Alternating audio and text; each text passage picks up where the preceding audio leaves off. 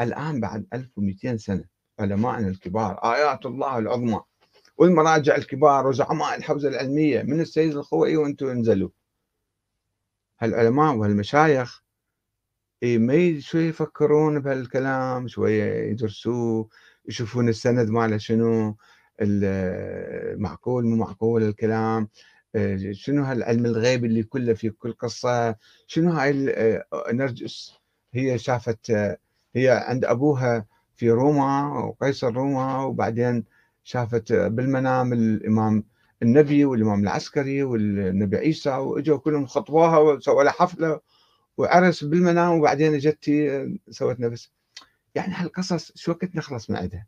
نحتاج إلى ثورة فكرية ثقافية علمية حتى نخلص من هذه القصص والأساطير التي خلقت عندنا نظاما سياسيا الآن. نظاما سياسي اللي هو سابقا ألف سنة روح ناموا ببيوتكم. تقية وانتظار ما يجوز نقوم بأي حركة سياسية حتى يخرج الإمام المهدي. الآن الإمام آه، على أساس صار عندنا ثورة وخرجنا. طلعنا من كهف الغيبة اللي إحنا كنا نايمين به قلنا نسوي حكومة ودولة. حكومة ودولة صارت شنو عندنا؟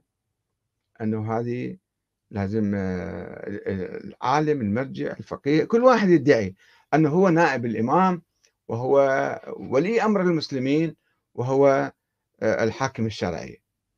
ومو بس هو هو وأولاده وأبناء واحفاده أيضا ممكن يهيمنوا على الناس ويقودوهم باسم الإمام المهدي. لذلك أنا أقول في هذه المناسبة ذكرى وفاة الإمام الحسن العسكري. الآن الإعلام اشتغل ودا يشتغل يعني بكل قوة حول إثبات هذه الفكرة. خلينا ندرسها خلينا نقراها من مصادرنا الأولى ونشوف هاي الفكرة.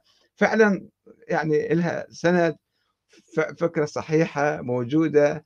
يعني منين إجت القصة؟ ناس غلاة خرافيين أسطوريين اخترقوا لنا قصص وسووها عقيدة وسووا دين ومبدأ وإحنا لازم نتعارك ويا كل الناس.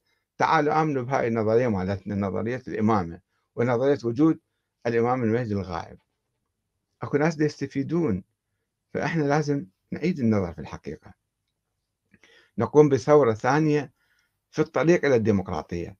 الثورة الأولى قمنا بها وقام بها الإمام الخميني وأصحاب نظرية ولاية الفقيه نحو الخروج من الكهف. خرجنا من الكهف كهف الغيبة السرداب اللي كنا عايشين به طلعنا قلنا نسوي دولة ونسوي ثورة وحكومة. كلش آه، لطيف. وصار عندنا جمهورية إسلامية في إيران وجمهورية إسلامية في العراق. بس شنو؟ عندنا نعاني من الدكتاتورية الآن. دكتاتورية ما يسمى المراجع ورجال الدين.